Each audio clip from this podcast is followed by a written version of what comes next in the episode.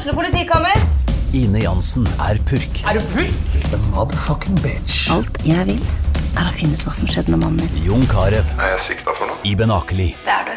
Ole So, Lars Berrum og Big Daddy Karsten. Hvem sin side er du på, egentlig? Anette Hoff, Tone Danielsen, Kommer du fra Afrika? Jørnis Josef, Nesten. Kløfta. Trond Espen Seim, Det er synd å si det, men det var feil mann som døde. Purk. Premiere tirsdag på TV2 Play. Hei, André! Hei! Da er vi i gang. Det går jo, det går jo forover i sakte tempo. Det gjør det. Den uh, podkasten lever i hvert fall fortsatt videre. Podkasten lever, og det er, vi Ja. veldig, det er vi jo veldig glad for. Og så kan eh, alle de som er karantenebrytere, bare dø og brenne i helvete. Ja, nå må det skjerpes. Nå er det enda mer avlysninger for min del. Altså, så, Ja. um, hvis jeg og Adam skulle jo være i Tønsberg den 2. desember, det ble akkurat avlyst, veldig leit. Men jeg ah, ja. tror hele selskapet bak, for du ser jo hele kultur... eh, De går jo konk denne ute- uka. Utelivet i Oslo går konk, rett og slett. Ja, for nå skal arbeidsgiveravgiften betales. Ja, så tror jeg det er eh, Oslo-bedrift som har masse steder her i Oslo som også har det stedet i Tønsberg hvor vi skal Ja. Så det går mest sannsynlig konk, tenker jeg, derfor de har eh, Jeg så han skrev, han fra Parkteatret også, han som eh, daglig leder der, at nå går det jo konk. Ja. Og, er, og, og vi var jo Vi prøvde jo å spise lunsj, André, på, for å støtte lett. opp litt. På, var det torsdag? ja. Forrige uke? Nei, det var tirsdag når vi hadde Ja, tirsdag. Det var jo helt umulig, og da havna vi på kjedehelvete. Nemlig Nei, kopp. ja, det var jo enda verre, men Ja. da, ja, sånn var det, ja. For det Først var vi på den vietnamesiske den ene dagen, Ja, som var det eneste som var åpent på mils omkrets. Da gikk vi helt fra Myntgata til Youngstorget uten å finne noen ting som var åpent. ja, og da fant vi én som ikke hadde noe å spise på. Ja. Uh, og så uh, var det dagen etter. Nei, når vi skulle ta en kaffe Jeg husker faen ikke. Nei. Hvert fall, Det var helt umulig å spise Ja. på Grünerløkka. Ja, det er ingenting. Bortsett ingenting. fra sånn kjededritt. Ja, og det er det som tar over nå. Hele den gata. Og alle de som har kjøpt seg leilighet på Grünerløkka, som er faen, fett å bo på Løkka, bare uteliv. Dere bor på Majorstuen, dere nå. det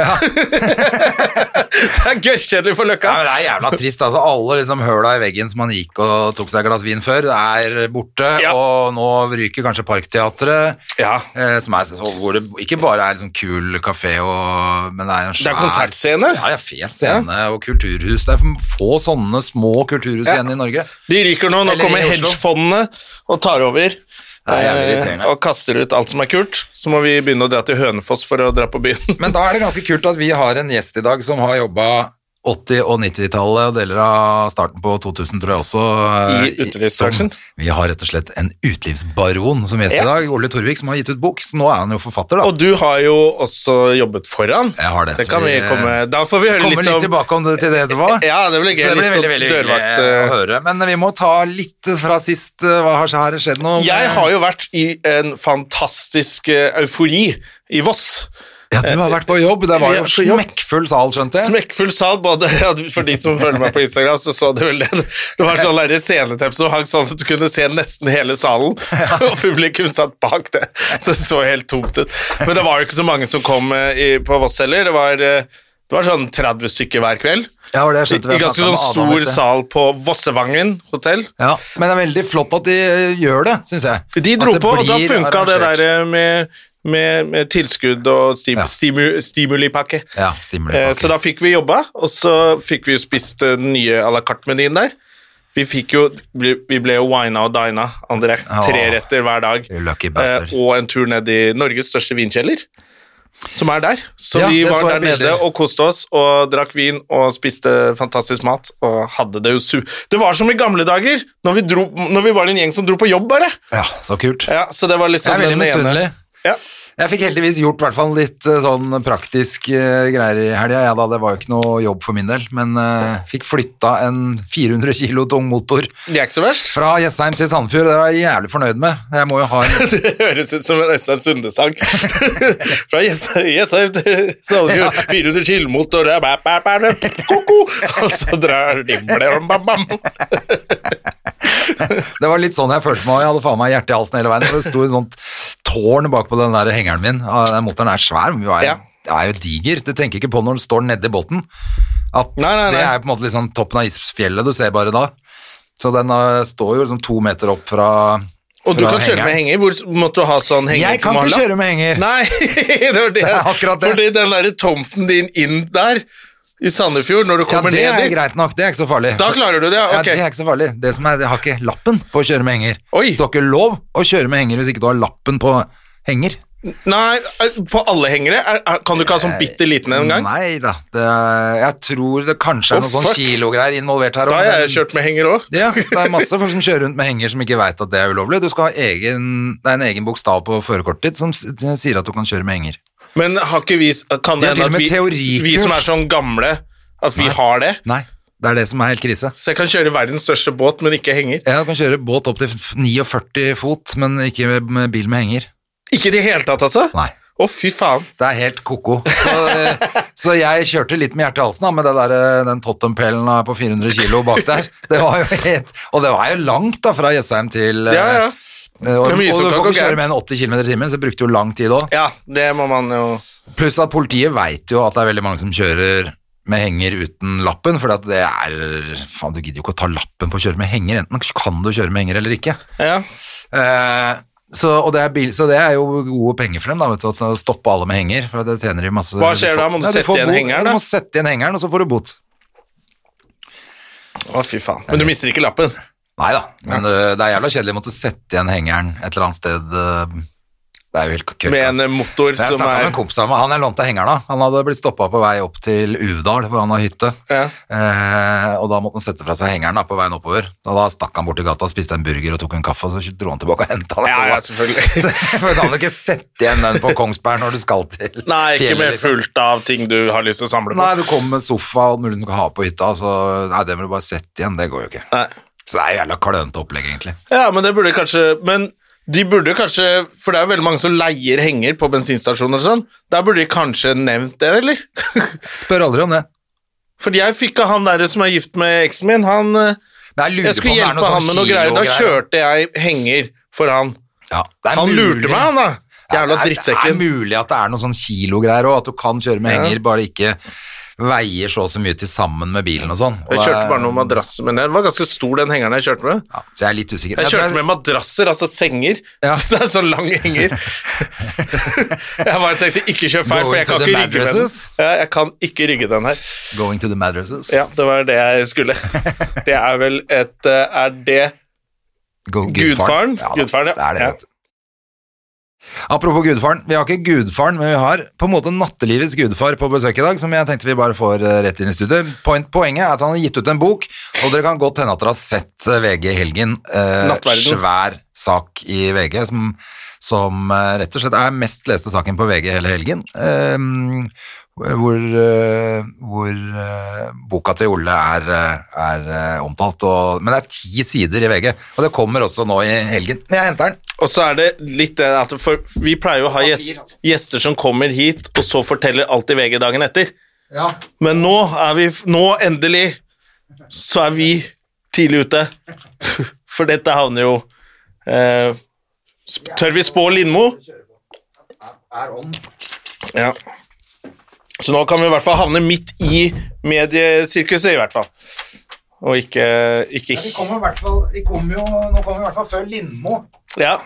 Men altså, som jeg nevnte jo nettopp, det har vært ti sider i VG. Det er bra jobba, det. Nei, jeg syns ikke det er så verst for en debutant. Jeg kan ikke Nei, for det er jo det. Du er jo bokdebutant, Ole. Det er, hvem skulle trodd? Det er jo veldig, for det første veldig hyggelig at du har kommet hit, og du er jo i avisen da kalt utelivsbaron og utelivskonge og det var, Men det var jo det på 80- og 90-tallet. Det var jo tidlig Du var ikke så gammel når du starta første stedet ditt heller. Nei, det var eh, Jeg, jeg måtte faktisk regne etter sjøl. Altså, jeg jeg syns jeg så så jævlig ung ut på noen av de bildene. Jeg tenkte faen, hvor gammel var jeg? Så var jeg 22. vet. Ja, 22. Så det er ganske ungt, altså. Ja. Var, jeg ble slått av Kari Jakkesson, for hun var 21. Ja, men, det, men hun jobba for pappaen sin, gjorde hun ikke det? For, Nei, hun startet sjøl, altså. hun gjorde det, men fordi at hun er, er, er hun datteren til Ben Josef, er hun ikke det? Jo, Ja. stemmer. Så hun Nå, å ja, hun var også på uteliv på den tida. Det forklarer jo mye nå. Ja, hun det var house-dronninga. Det er ikke rart hun tror på det. marsmenn og alt mulig rart om dagen. Da. Å ja, da så. Da falt, falt alt på plass. Det er senskader av LSD, det der. Ikke sant. Det er ikke senskader, det holder bare på. Ja, hun holdt bare på. Det er herlig. Falt i gryta. Men det er jo utrolig fett at du har fått dette her ned i bokform nå. Du har brukt ganske lang tid. Nattverden. Ja, ja, det har brukt altfor lang tid, men uh, uh, det måtte vel til, rett og slett. Det, er, jo- det ble jo veldig omfattende etter hvert. Jeg, begynte, jeg hadde jo en idé, og den ideen måtte jo prøves ut og skrives, feilskrives og legges vekk. Og, og til slutt, når jeg falt ned på det øh, konseptet som jeg har nå, da, som er en ren dokumentar, så, så brukte jeg jo ah, seks-sju år på det òg, så det var jo, har jo tatt tid. Altså. Oi, ja, det er så lenge. Men Men starta det som en roman, liksom? Eller altså Eh, Det var eh, det forlagene jeg var innom eh, til å begynne med, de ønsket at jeg skulle skrive en roman, det, men det hadde jeg ikke lyst til. Jeg hadde lyst til å skrive en dokumentar, fordi i den bransjen her så overgår jo uh, virkeligheten fantasien, ikke sant? Så det er jo Mye bedre å skrive det som det var. ja. Klarer ikke å finne på Så det var mye fomling og famling før, uh, før jeg fant formen, men da, da gikk det jo uh, etter hvert kom jeg jo i mål, da. Så. Men, eh, men det ble jo eh, så den, så den er jo omfattende, og den vokste jo etter hvert som jeg begynte òg, for jeg fant jo mer og mer jeg hadde lyst til å skrive om, ikke sant. Ja, ja for det er en ordentlig Det er liksom blitt, en ordentlig blekke du har. Det er det, er det. Ja. Det er jo det er en stor bok. Det er Skamløs forlag som gir ut. Skamløs forlag som gir ut. Så nei, jeg støtter meg til, til Bob Woodward, uh, gamle mm, Watergate-journalisten, som sier det. Han, han har et godt uttrykk som, som, hvor han nevner dette med tidens luksus. Altså den luksusen det er hvis en bok kan vokse over tid for å få den best mulig. da. Ja. Så det, det, det er mitt, eh, min støtte her, at det, jeg bare fulgte hans råd da, med boka her. Men, men, ja, men, eh, men det er greit at det har lang tid, men det er jo nesten en historie Altså det er historisk over 20-25 år, da. Det er det, over, øh, over 30 faktisk, og helt opp i 40. fordi at jeg, jo, jeg hadde jo tenkt å begrense det til 80-90-tallet, hvor jeg var mest sentral. Ja. Og det er jo de to tiårene som jeg mener virkelig, det virkelig skjedde ting i Oslos uteliv. Revolusjonen på 80-tallet og alt det som skjedde på 90-tallet. Men så måtte jeg jo ha med noe fra 70-tallet, og så fant jeg ut at uh, uh, Norges første DJ, han uh, levde jo enda. Og han lever jo enda faktisk nå. Hvem er det? Han heter Tore Løken. Og- DJ Tore Løken. DJ Tore Løken. Og han eh, spilte på noe som het altså det som også regnes for Oslos første diskotek, som het Colony Club, og lå i eh, Vikaterrassen. Ja, for jeg trodde Hawk Club var en av de første, men det var ikke til seint etterpå, det, kanskje. Ja, Det er, det er ikke det nedi Det er bare, bare på Josefine. på Josefine. Det er der Hawk-sandwichen kommer fra. Ja, Ja, det, sannsynligvis. faktisk. Den nydelige Hawk-sandwichen. det regnes for å være Cl- Colony Club og Club, Club Daryl, da, som var på i 1969. Ja. Og det var første stedene hvor da det var miks av eh, black and white, da, for å si det sånn, for det var ikke noe vanlig Nei, på den tiden.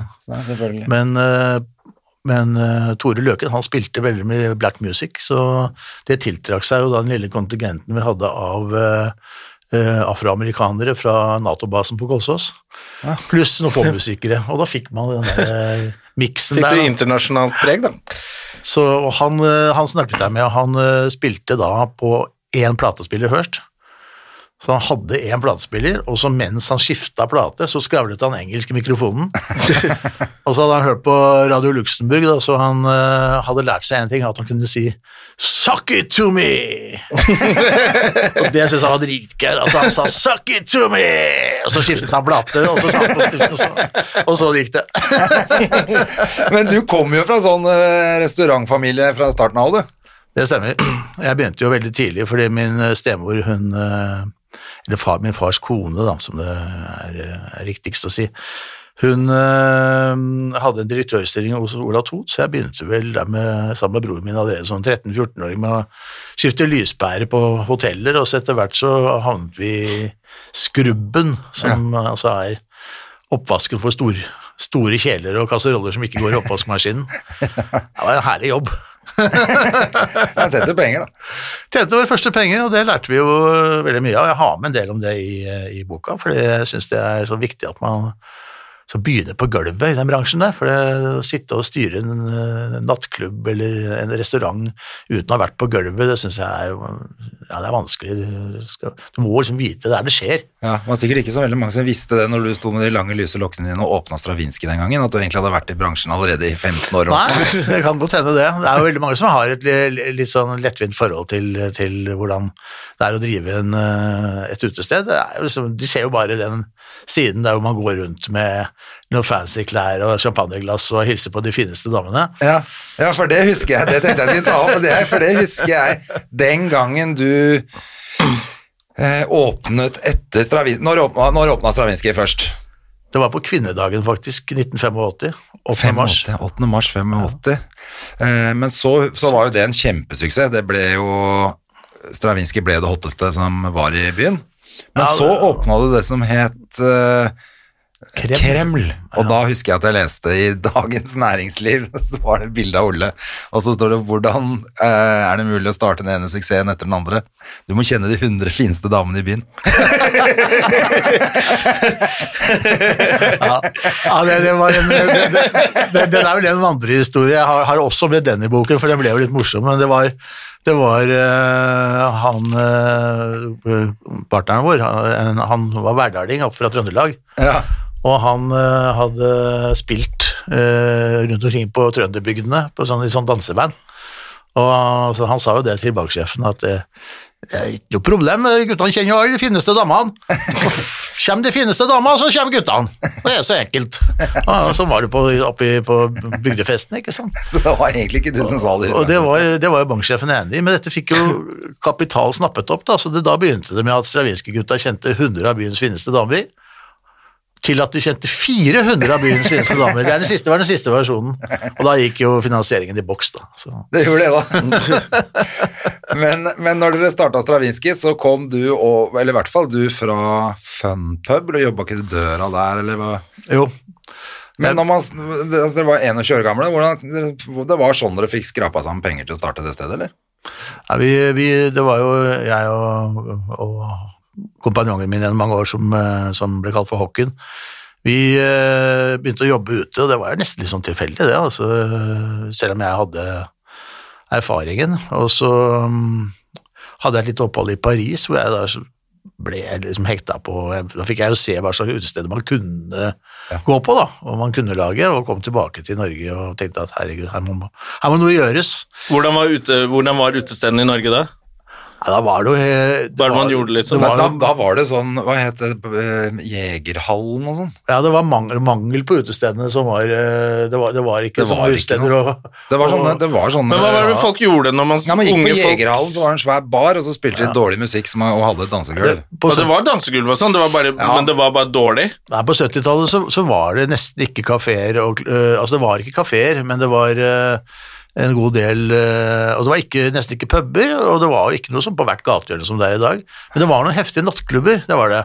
Ja. Og, øh, sånn som var. Ridderhallen og Safariklubb og Bajasso og Noble Dancer og disse stedene som jeg har med en god del av, de var uh, hotte, og de var bra. Ja, ja. Men det de, de var veldig få av de, og det der at du kunne stikke, stikke ut og ta seg en øl Og bare tusle fra sted til sted. Det, Det gjorde man ikke. det var nærmest Nei, for det var gjerne eh, åpent da på lørdag.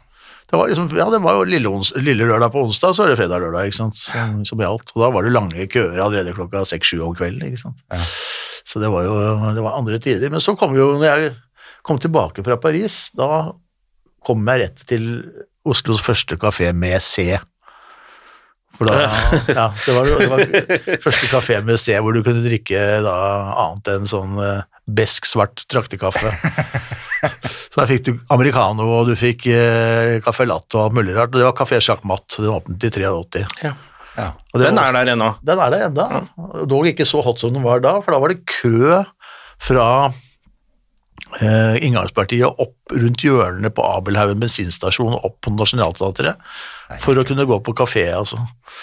Så det, og da skrev Aftenposten da, at, eh, stor artikkel om at nå er det legitimt å gå på kafé. Hvilket år var dette? 83. Det er ganske vilt. Ja, altså det er det Da var jeg fem år, jeg. Men det Stravinskij ble jo sånn legendarisk eh, hot sted, da. I mange, mange år. Ja, folk, folk snakker jo enda om Stravinskij-tiden og blir litt blanke i øynene, altså, Ja, så det, gjør det. det er gøy. Så det var jo, nei, vi traff jo spikeren midt på hodet, og det, det er nesten umulig å, å gjenskape eller slå akkurat den suksessen. Men, var, men var det rett og slett det at dere ville lage noe av det du hadde sett i utlandet? Ja, Som du det var tenkte det. at det er dette som Dette funker i Norge. ja. Og så hadde jeg jobbet da allerede på to andre hotte steder, da, Studio 26 og Fumpub, som, som var kjempebra steder, og som hadde catcha noe av det samme, men uh, vi henvendte oss i større grad mot vestkanten, og fikk jo egentlig alle de som eh, Da Noble Dancer ble stengt og, og Bajasso ble stengt, alle disse stedene på Oslo vest, så kom de til oss, da. Ja. ja, for det var ganske høy eh, sigarføring på Straviski? Veldig høy sigarføring, altså, og, sjampis og- og champagneføring. Ja. Eh, Jeg har jo med en- Men det må jo ha vært, det må jo ha vært eh, Altså, både utrolig gøy, men også slitsomt, da, å jobbe med det var, den eh, type klientell, da, som bare kaster om seg med penger og er klingerne. Det blir ikke så slitsomt å jobbe med folk som kaster om seg med penger i din sjappe? da er det jo veldig jeg, greit. jeg, jeg støtter deg på den. Ja, ja, det må være greit. Så lenge du er i min sjappe og kaster om deg med vi, penger, så går det bra. leve, vi kunne leve med den problemstillingen der. også. det, det gikk Ja, det er klart, så er man kanskje når er noen og 20 år, så orker man jo selvfølgelig mye, mye mer selv, da, men eh, Jeg pleier å si at vi, vi jobbet hardt, og det gjorde vi virkelig, og vi, men vi festet uh, hardt også. Vi jobbet og festet om hverandre. Ja. Eh, men men vi, hadde, vi jobbet seriøst hardt med det. Altså, det, var ikke noe vi tok lett på. Så vi, Men var så gjorde dere jævla mye kule andre ting òg. Bestefaren min spilte jo der. På klassisk tirsdag. Ja, ja, det er fantastisk, og det, det det er jo også eh, takket være eh, vår felles venn eh, Ole Bøhn, som eh, på den tiden var konsertmester i, i Norske Opera, som eh, foreslo at eh, hvorfor ikke ha en kveld med klassisk eh, musikk. Også noe som jeg hadde sett i Paris, da, hvor det var steder som bare spilte klassisk musikk. Da. Men uh, det var hans forslag, det, og han var jo en venn av, uh, og kollega av uh, din bestefar. Så, så da startet vi Klassisk aften på tirsdager, hvor faktisk Håkon og jeg sto og mikset klassiske plater på DJ-pulten, som vi hadde lånt av, av Ole. og så gjorde jo din far, nei din far, sa din, eh, din bestefar, gjorde comeback som uh, kafémusiker. Ja. Og det var jo eh, stort, for han var jo en berømt musiker, og kom tilbake og satte seg ned og spilte. Det var gøy. Veldig moro, altså. Helt rått. Vi fikk en helside i Aftenposten på det husker jeg, hvor det sto uh, 'En pils og en sonate, takk', var uh, tittelen på den. Men det, den, de tirsdagene ble jo superhotte. Det var jo stappfullt av eh, vanlige folk uh, som gikk der i helgene og alt mulig sånn. Det var stappfullt. Folk sto og digga klassisk musikk. Det var den hotteste tirsdagen i byen, ikke sant. Ja. Så det gikk an på den tiden. Det var såpass upløyd mark at, det, at folk, var, og folk var så på'n, ikke sant. De, ja, de var, de var alle, Men så ble dere litt stormannsgale med Kreml, eller? Da ble vi vel uh, bitt av den uh, dinosaurusbasillen som uh, ganske mange andre For da var det plutselig treetasjes, Ja. helt vilt prosjekt. hadde vi vært en god del i New York og sånn, og da skulle vi jo lage Da glemte vi på en måte at Oslo ikke var New York, da, så tenkte at her er det ingen grenser for, eh, for hva vi kan, kan gjøre. Så vi hadde jo masse sånne New York-store ideer, og satte de inn da i et lokale oppe i mm, Grand Hotel i Rosengløs gate, som var kjempestor, så det ble, norsk, det ble Norges største diskotek. Tok, eh, ja, jeg tok i hvert fall 1500 mennesker på en gang, kanskje enda mer, jeg husker ikke eksakt nå. Vet du hvem som var Norges yngste medlem der? Det var kanskje deg? Det var nok det. Mutter'n, vet du. Jeg var sammen med mutter'n og spiste med Ole og de på Kreml rett før det skulle åpne. Og så klarte jeg å lure mutter'n til å spørre om ikke jeg kunne få et sånt eh, medlemskap der. Jeg fikk jo det, men det var jo 24-årsgrense eller noe når jeg var 17 eller noe, tror jeg. Det var Ja, var, eh, jeg husker godt eh, moren din, fra, for jeg spiste med henne jeg også. Vi hadde, jo en, en, vi hadde jo en ganske brukbar restaurant som har vært en stund, Ja. og der hadde vi jo en del prominente besøk. Da. Blant annet så var din mor og jeg og spiste middag med Leonard Bernstein. Det er ganske hipt. Det er liksom ikke noe sånn hverdagslig kost. Så det var gøy. Eh, men bortsett fra det, så, så var det Så fungerte Altså, vi hadde på en måte rett. Det, det, vi kunne lage Norges største diskotek, og det ble stappfullt. Ja. Og det var det, altså. Det første eh, halve året av 87 så var det Det var smekkfullt, altså både onsdag, torsdag, fredag, lørdag, og vi omsatte det samme på en ukedag der som vi gjorde på Stravinskij en helg. Ja. Så det var, det Så det var egentlig en suksess. Det var en suksess, men så kom jo børskrakket 19. oktober 87. Stemmer det. Da var det kroken for de fleste etter hvert. Det er litt som det er nå, da. Veldig som det er nå, og, og jeg skriver jo mye om, eh, om eh, restaurantbransjen som nesten alltid får smellen først. Det er et eller annet med det, altså de, de enten om det er, da er eh, utenforliggende årsaker, eller om det er myndighetene som plutselig finner ut at de skal stramme inn og redde samfunnet. Det er alltid restaurantbransjen som får svi først. Og det, er det, det var det da. I 87 så spredde jo børskrakk seg over i realøkonomien, og folk fikk dårligere råd. Det, det gikk konk, og øh, folk klarte ikke å betale lånene sine, og da går det ikke, sparer de på forbruket. Da går du ikke ut og drikker sjampis og kjører lave biler. Dotcom-krisen i 2000, finanskrisen i 2008 Alt dette smittet over i, i utelivet. Og ikke minst når det da 9-11 kom. Så alle disse krisene har jeg på en måte opplevd. Da. Det er ganske store, store verdenskriser som man har vært igjennom. Ja. ja. De har det ganske tøft om dagen, de i den bransjen nå også. For det er eh, Ja, nå er det jo helt håpløst. Altså det, det, det er så også liksom et helt år hvor det ikke skal Det skal ikke gjøres noen ting. Ja, ja, det, jeg er altså sjeleglad for at jeg er ute av den bransjen nå, for det, det, det de opplever nå, det vil ikke jeg oppleve. Altså, det må være helt forferdelig å se livsverket bli knust altså, av noe som bare deiser ned en dag fra, fra en dag til en annen. Ja, Som du ikke har i hvert fall ingen grunn til å liksom skylde, skylde på deg selv og sagt at dette var Så her mener jeg myndighetene må komme på banen med alt de har, for ellers så øh, blir det et konkursras, og, en hel næring blir utradert. Altså. Ja, Vi snakket litt om det før du kom inn også, at det ender vi bare med at alt er Cutters og McDonald's og sånn kjedegreier alt sammen. Akkurat det, og hvis man fremdeles vil ha personlig drevede steder og, steder med sjel og integritet, så må man være med å redde de, for Ja. de klarer seg ikke nå. Jeg har ikke sjans. Nei, jeg leste det, ja, vi snakka om det. Om, de sier at denne arbeidsgiveravgiften kommer nå, Ikke og så har de søkt eh, flere som har søkt i mai. Det er ti uker siden du kunne søke om kompensasjon for mai, og de har ennå ikke fått svar.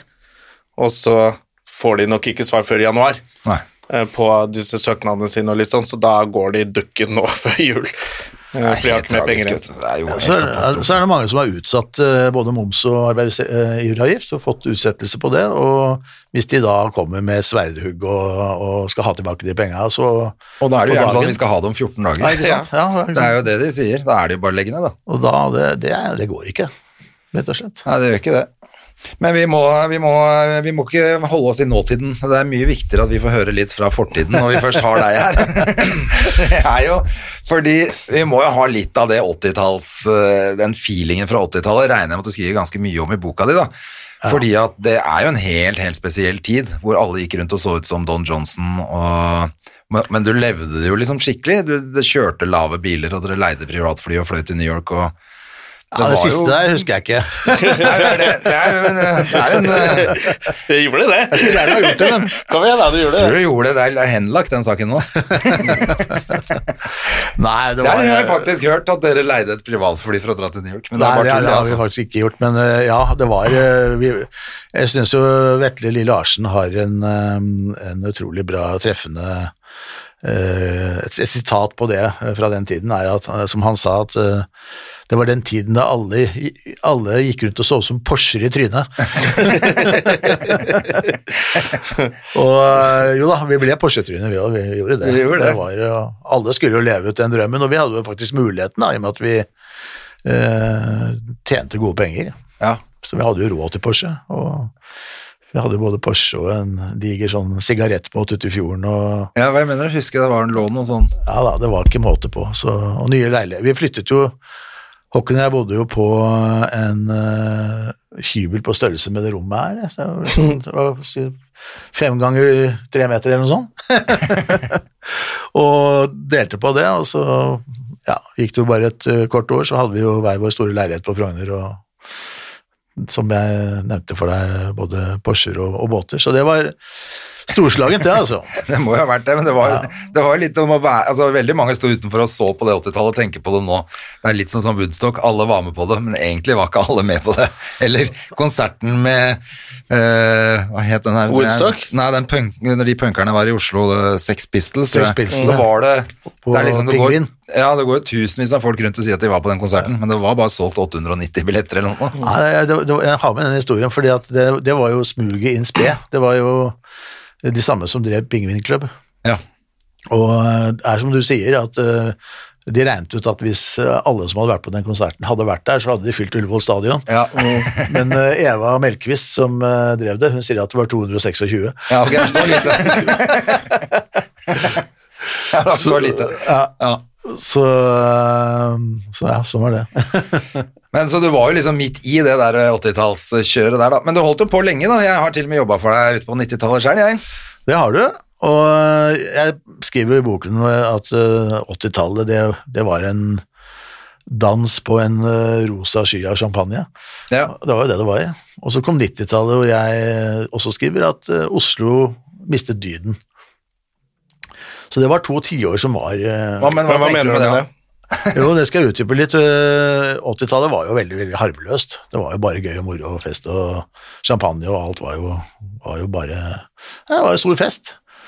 Det var øh, eh, Men så mm, eh, kom jo 90-tallet, og det var også veldig feststemt eh, tiår. Det begynte jo men hvis du i hvert fall tar det med klubb og house og teknobevegelsen, så var jo det i starten en veldig veldig sånn harmløs bevegelse, det da, med mye eh, sånn nesten en ny hippietid. Eh, Den, eh, den store rave-bølgen i England ble jo kalt for the second summer of low, Ja. og da henviser de til the first summer of low i, i San Francisco i 68, ikke sant, hvor hippiene danset i LSD-rus. Ja. Og nå danset vi kanskje en litt annen rus. Eh, Det var jo ecstasy kommet på, på, på banen, og det var jo eh, det var the drug of choice, i, i hvert fall i house og techno-bevegelsen. Men det var i hvert fall harmløst, og, og en, en, en, eh, en bevegelse som, som var veldig tolerant. Da. Det var jo ingen fordommer i, i house og, og rave og techno-miljøet. Det var Uh, ingen, ingen eh, fordommer mot homser, eller det var ikke noe uh, forskjell på kvinne og mann. Liksom, ikke noe, det var uh, inkluderende på alle måter. Fredfullt, aldri noe bråk, ingenting. Det var, det var rett og slett liksom Kardemommeby-stemning i, i Det blir litt sånn av ecstasy. Ja. ja det, Det blir god stemning av det. Ja, det er det er der det ligger. Blir ikke så sinna. Blir ikke så sinna, blir veldig glad. Og det var jo, så det var veldig, veldig fint, og det smittet jo over i klubbmiljøene. ikke sant? Da, da, ut, av, ut av disse første ravene og, og fra den techno-house-bevegelsen, så kom jo klubbene som videreførte dette lovlig og innendørs. og Det var jo blant annet det jeg gjorde. Men så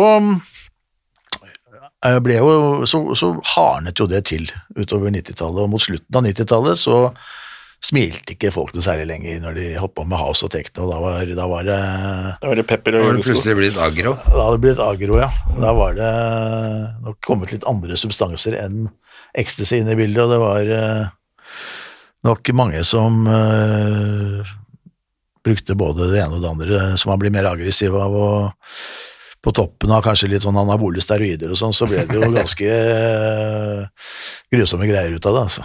Jeg, jeg syns det er så rart det også, at den derre At det der greiene der med de med sånne Altså med den treninga, da, som egentlig var jo 80-tallet, det òg. Sånn med, med Sylvester Stallone og Ja, ja, ja. At det var sånn bodybuilder var litt 80-tallet for meg. Jeg syns det er så rart med de som da helt langt ut i 2000-tallet skal gå rundt og med bulende muskler er så gjerne ut. og være ja, men det er, det, det bare dytter i seg alt mulig de får tak i, da, tydeligvis. Ja, men Var det ikke litt da treningssenteret kom litt mer tilgjengelig for at flere begynte å trene overalt òg? Jo, men jeg følte at det var mer sånn Sats og Elixia, de stedene var sånn allmenntrening, da. Du løper litt og løfter litt vekter, ikke bodybuilding som man tenkte på fra 80-tallet, liksom. Men det Ja, men Haraldsgym har vel vært der lenge? Ja, det mener jeg, det holder på ennå. Ja, ja. Det er det. Det er det jeg syns er rart. Ja. At det fortsatt At folk eh, fortsatt vil se sånn ut, ja. Ja, ja. Ja. Men jeg husker jo også litt det, for da begynte jeg på slutten av 90-tallet. Da var jeg Jeg var vel russ i 97. Eh, og da begynte jeg Da var vi litt på byen, og da husker jeg at det ble litt sånn B-gjengen hadde slått seg opp i, i byen og sånn, så noen ganger når de kom på utesteder og sånn, eller du kunne si noe, så plutselig var det en eller annen fetteren til en eller annen i B-gjengen, og han skulle ringe alle i B-gjengen, og du er ferdig!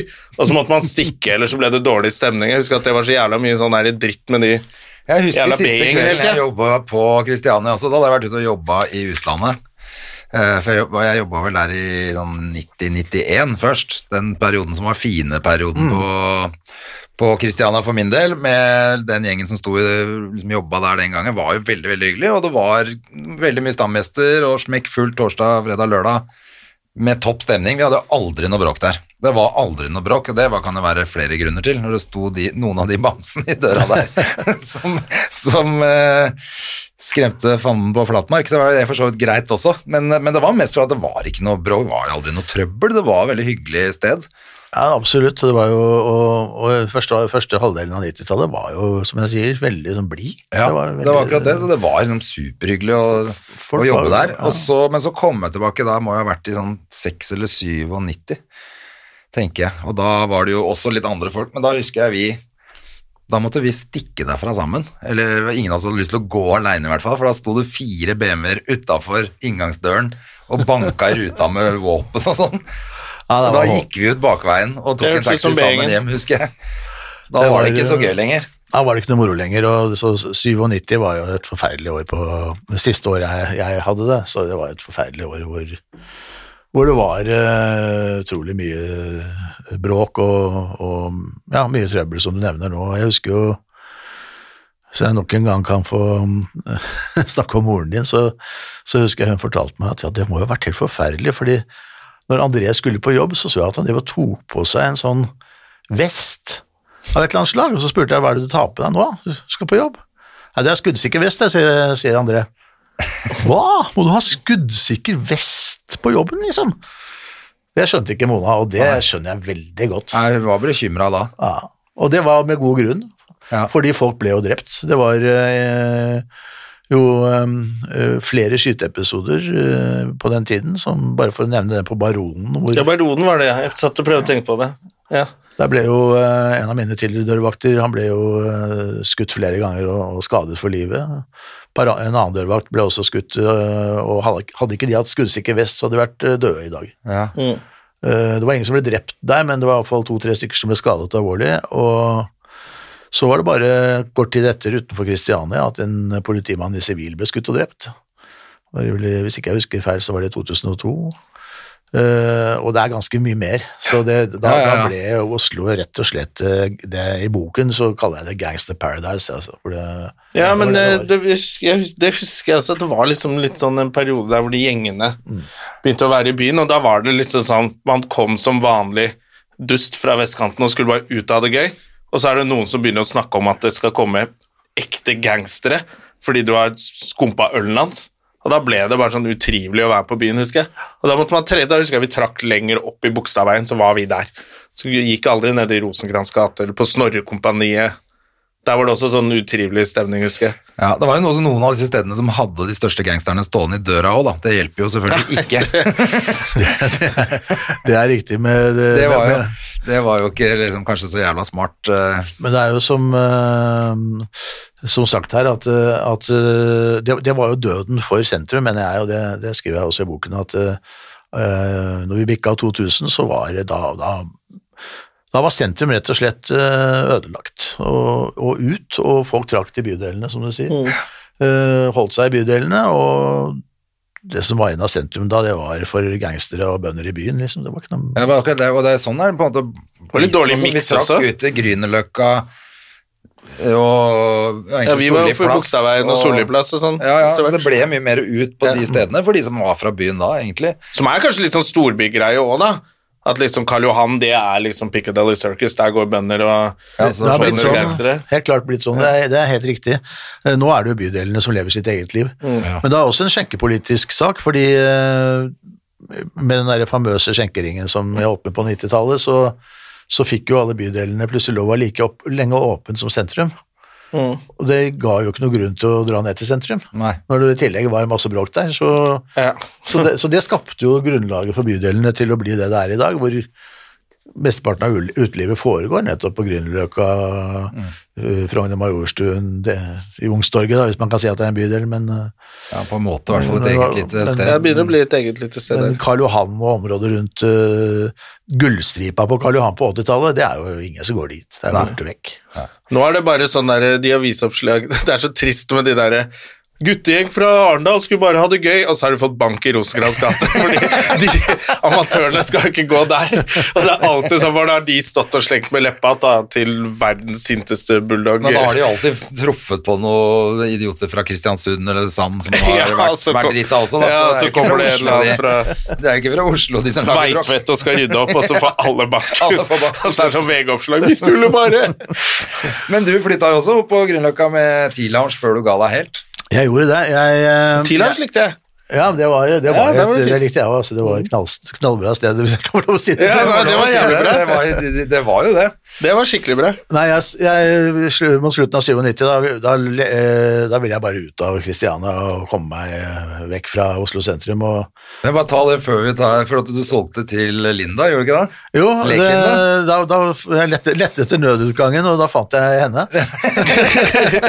Hun hadde stått og venta i nødutgangen lenge, hun. Hun, ja, så, hun, så Linda Johansen kjøpte det stedet og startet noe som het Galleriet. Det var Eh, Og da skrev hun natt og dag, og, og de lurte på om jeg da kom til å overta hennes eh, stilling som sexredaktør for Lek. det, det ga det faen i. Galleriet var det som lå nede ved teateret. Ja. Der, ja, stemmer det. Husker jeg hun hadde utested. Ja, ja. Det var, det var jo Kristiania, for jeg husker jeg gikk inn der når det var Det ga- galleri med noen venner, og så hva som hadde skjedd der inne. Da måtte jeg bare gå ut. Det var nitrist. Altså det, fordi Kristiania var som et sånt gammelt bohem med svære Det var et gammelt slott. Ja, det var som som gammelt slott, liksom. Det var utrolig flott da, med svære sånne malerier oppi trappene oppover, og liksom Det, det er jo litt morsomt å, Svære sånne lysestaker, og det var jævlig flott, altså. Det var det, og det, og det var jo faktisk Først var det et kunstgalleri når vi overtok, Ja. men det var jo også gamle eh, akademia, altså Kunstakademiet, hvor, hvor så Maurice, da, denne gamle aktmodellen som gikk mye på Christiania, han jo, var jo veldig kjent, for han hadde jo stått aktmodell der i mange år. Og, og, og vi hadde jo stadig vekk Odd Nerdrum som og feide gjennom lokalet og skulle vise alle disse hyrdestudentene sine hvordan det var i, i de gamle lokalene i gamle dager. Ikke sant? Så det var, det var jo virkelig et flott sted var det. i utgangspunktet, og så spilte vi jo uh, med interiøret på, på det eksisterende og lagde et gammelt uh, slott Ja, det. det var jo jævlig fett. Hva er var, veldig, Var det Lekelinda gjorde med det, da? Som, nei, da ble det plastikk, og så var det ikke sant, Hun gjorde om halvparten, på en måte, så litt var igjen, og litt var gjort om, og det var bare crap. Rett og slett. Det var ikke noe mer Christiania igjen, i hvert fall. Og, og så, når jeg gikk ut av den døren, da hadde jeg bestemt meg for at jeg aldri mer skulle starte et utested i Oslo sentrum. Ja, ja. Og øh, reiste utenlands øh, en tur for å øh, hvile og hente litt krefter igjen. Og så, men når jeg kom tilbake da, så var det, da var det Grünerløkka. ja. Og startet øh, da T-Lounge, som var en kombin kombinert tesalong om dagen og ganske heftig bar om kvelden. Ja, det ble det. Ja, ble det. Og det. Men det var jo kjempehyggelig, og Grünerløkka var jo da in spe, da, dette var jo 2000. Så, så det, det, var, det tok egentlig litt av, det. Ja. Så det var uh, utrolig hyggelige år på Løkka. Men da var du lei fint, etter det. Etter det så hadde jeg eh, Da følte jeg hadde gjort mitt. Da hadde jeg holdt på i Oslos uteliv i um, over 30 år.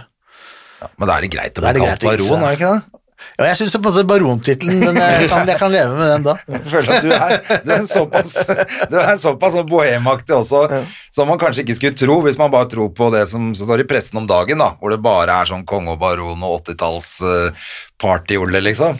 Så er jo du, sånn som jeg, jeg kjenner deg jo privat også, en helt, egentlig helt annen type. Men jeg føler, jeg føler at baron passer egentlig bedre på deg enn konge, i hvert fall. Ok, men da, da fastslår vi baron. Ja. Men du, det får komme ut og kjøpe denne boken nå til jul, til alle, håper vi. Det håper jeg Eh. Men jeg regner jo med at det dukker vel opp en del folk man kjenner til da, i eh, boka. Man har fått et hint av det i pressen også, at det dukker opp noen folk man veit om.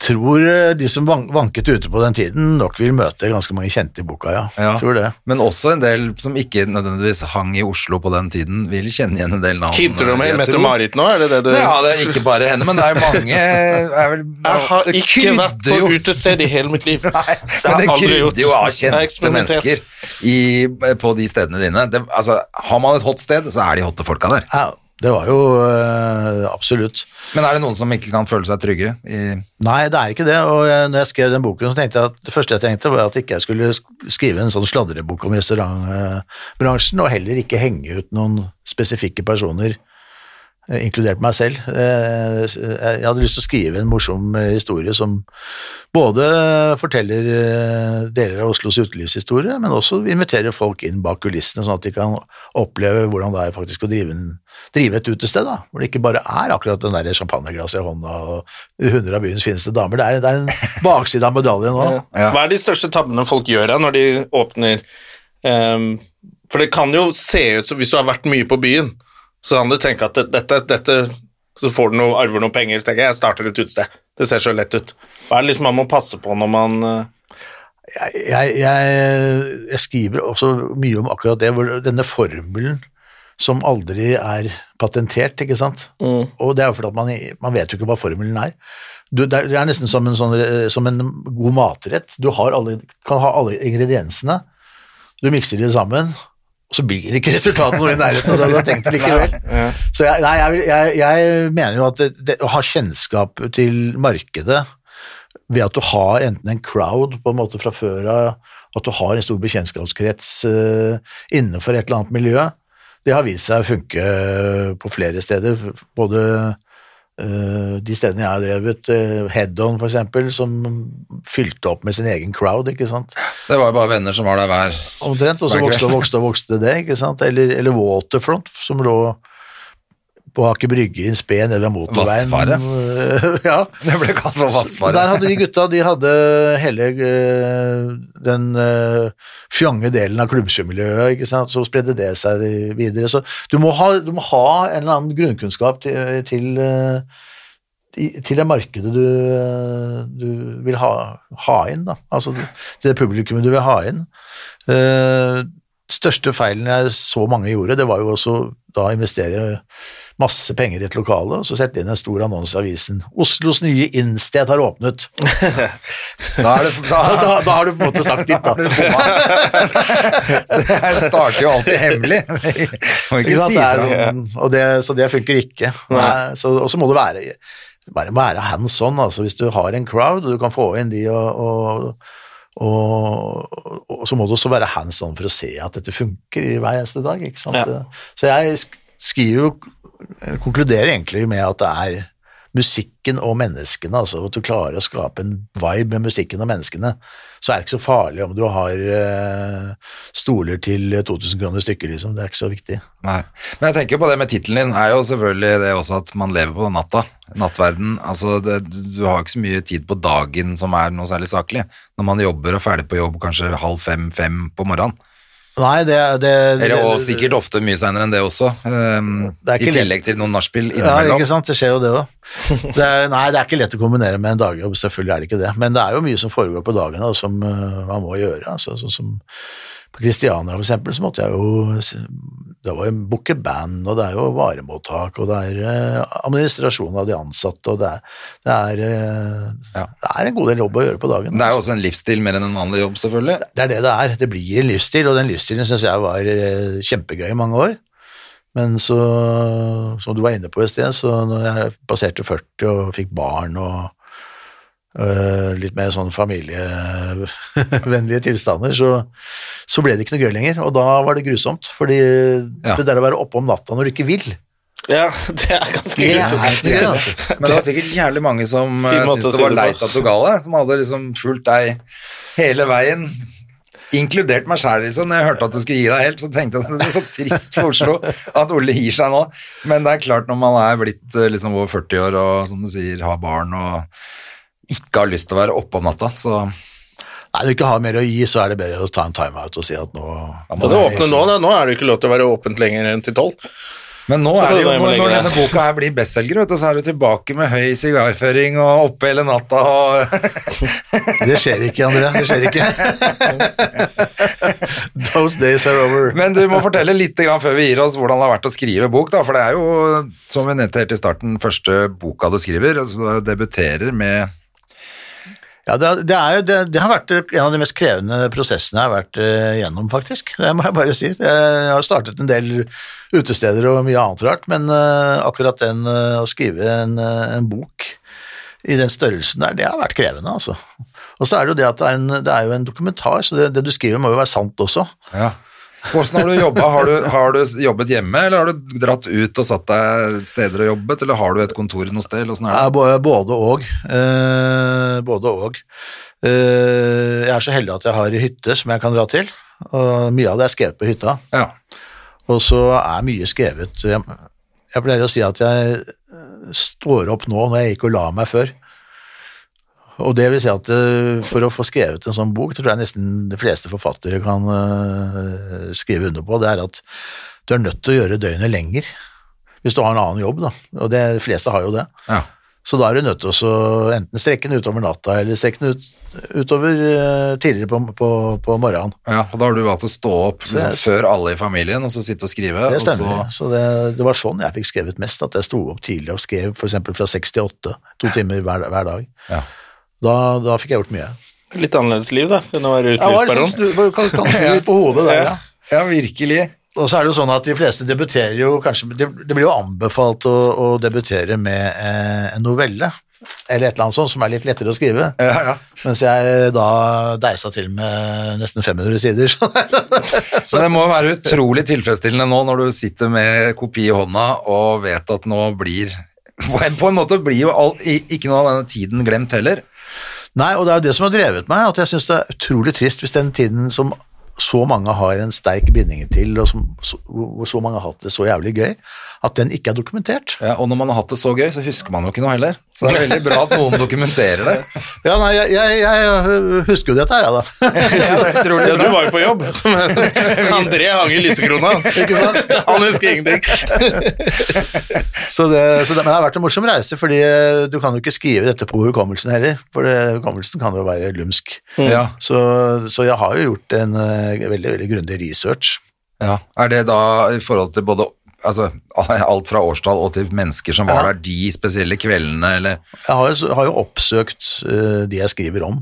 Ja, det var det. Ikke sant? Både, både eh, folk bak stedene, gjestene, uh, diskjockeyene. Jeg har jo snakket med sikkert 100 personer Uh, i både som i, i litt sånne uformelle samtaler og i rene intervjuer.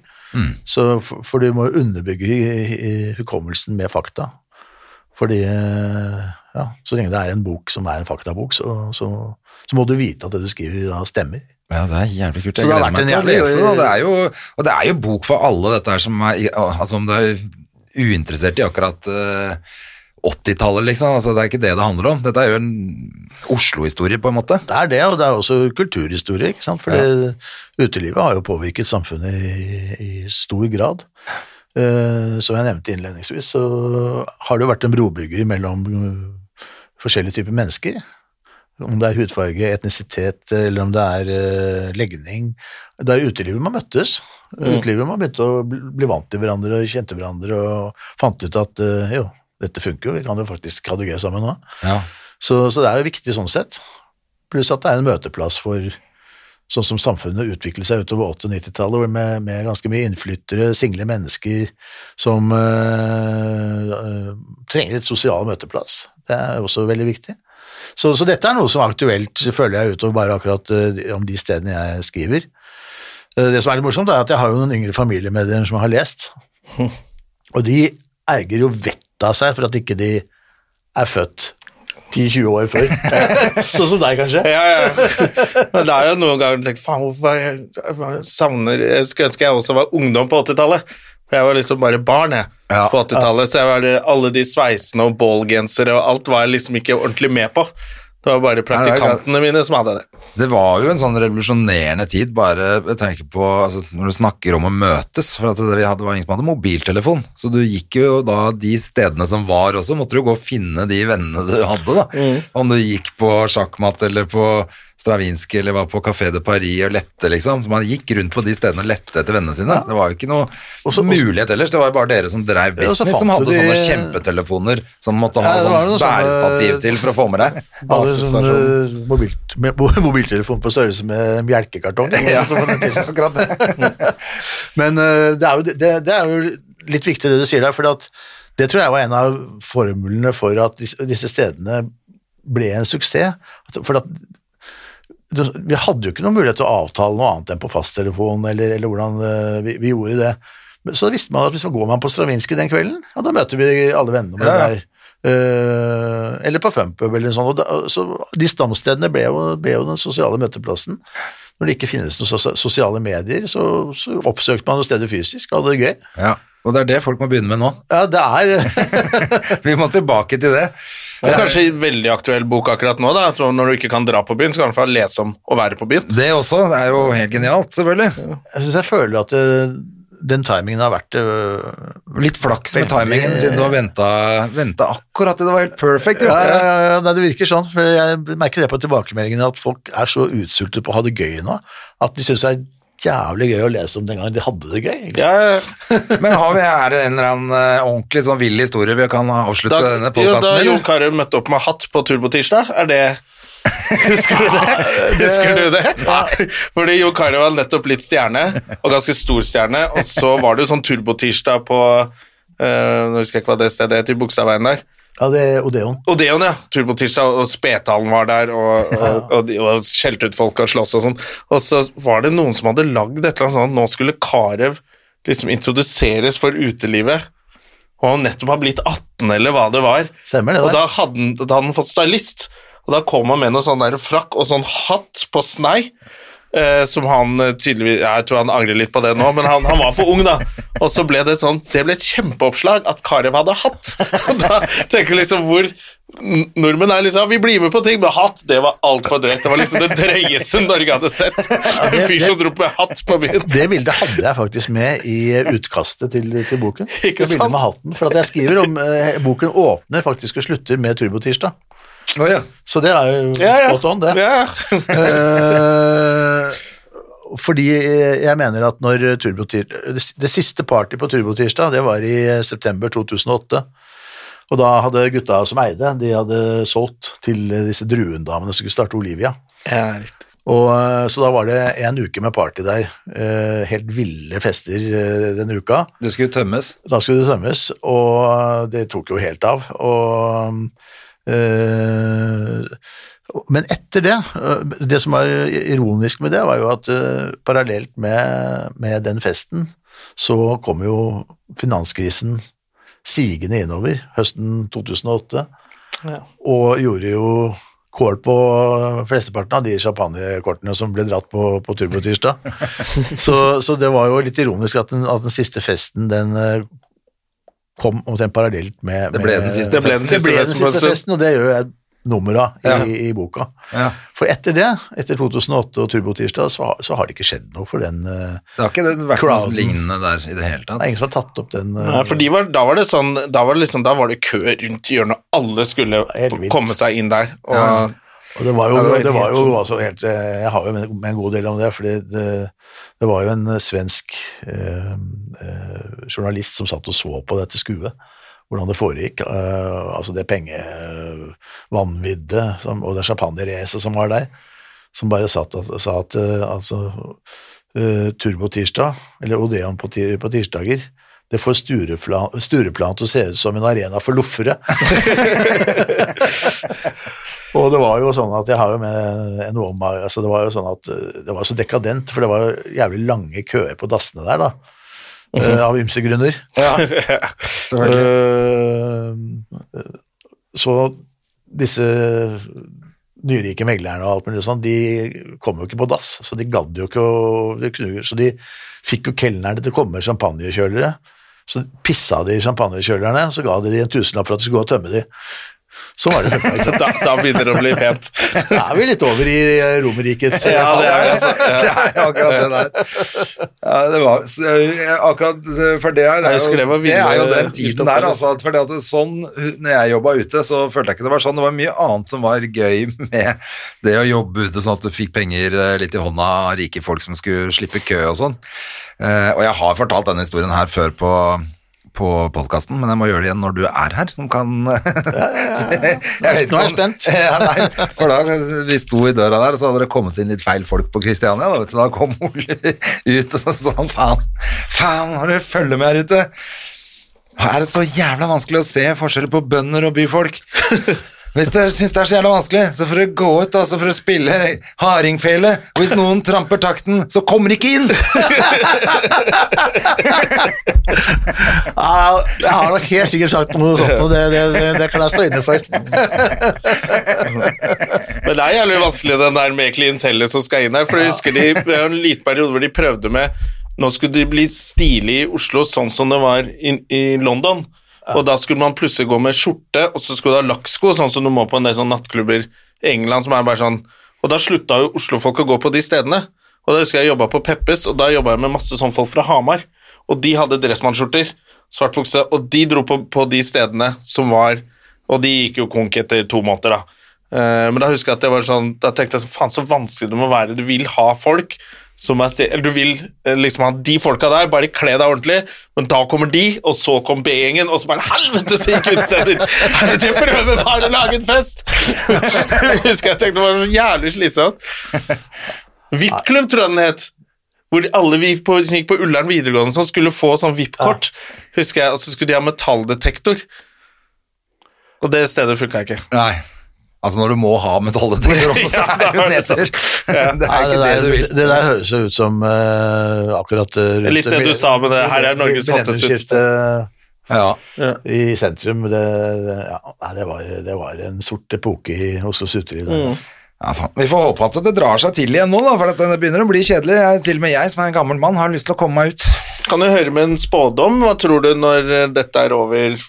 Og det er jo en del steder som går konk.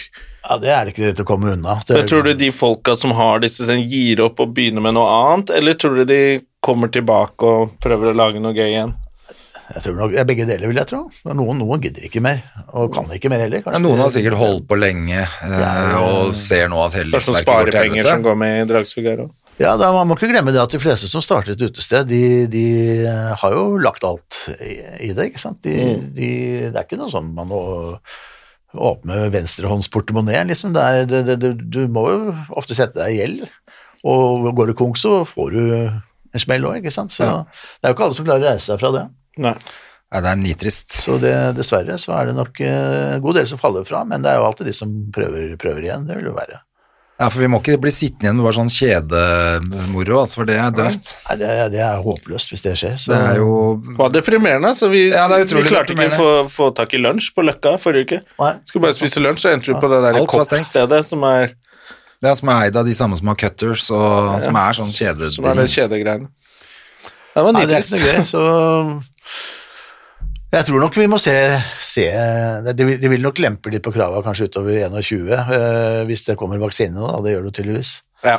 Men jeg Håper tror, vi jeg tror vi helt ser godt og vel hele 2021 før det er mot normalt, altså. Ja, det tror jeg også. Så er det jo Jeg tenker også at eh, egentlig, når det er litt sånn dårlige tider, så går man jo ut og eh, i hvert fall drukner sorgene litt innimellom. Får ikke gjort det nå. Nå får du ikke gjort det engang. Nei. Eh, og for den bransjen vi er i, så er det jo snart ikke noe penger igjen til å skjenke seg for heller, men, så det er for så vidt greit. Men, men for alle andre da, så er jo det gjerne sånn tid hvor man i hvert fall er sosial og har det hyggelig, da, men det er jo det også som ødelegger nå at eh, altså folk blir jo deprimert i huet og ræva. og Ja, nei, det er jo sosialt nedstengt, ikke sant, så det er jo Det er helt men da må du i hvert fall lese bøker, tenker jeg. Les lese bøker. Av Ole Torvik. Ja, det er i hvert fall litt lystig lesning. Er det i bokhandel eller på nett, eller hvor får du tak i boka? Den fås i alle kjente bokhandlere på nett, og eh, flere og flere fysisk også. Ja, Det begynner å komme ut i, i bokhandelen nå. det er utrolig hyggelig. Vi gratulerer igjen, vi, Ole, og Takk så det, håper vi altså. selger eh, at alle kjøper denne julepresangen nå i desember. Det syns jeg hadde vært en god idé. Herlig. Så snakkes vi. Ha det! Ha Takk for det! at jeg fikk komme. Ha det. Moderne media. Har du et enkeltpersonforetak eller en liten bedrift? Da er du sikkert lei av å høre meg snakke om hvor enkelt det er med kvitteringer og bilag i fiken, så vi eh, gir oss her, vi. Fordi vi liker enkelt. Fiken superenkelt regnskap.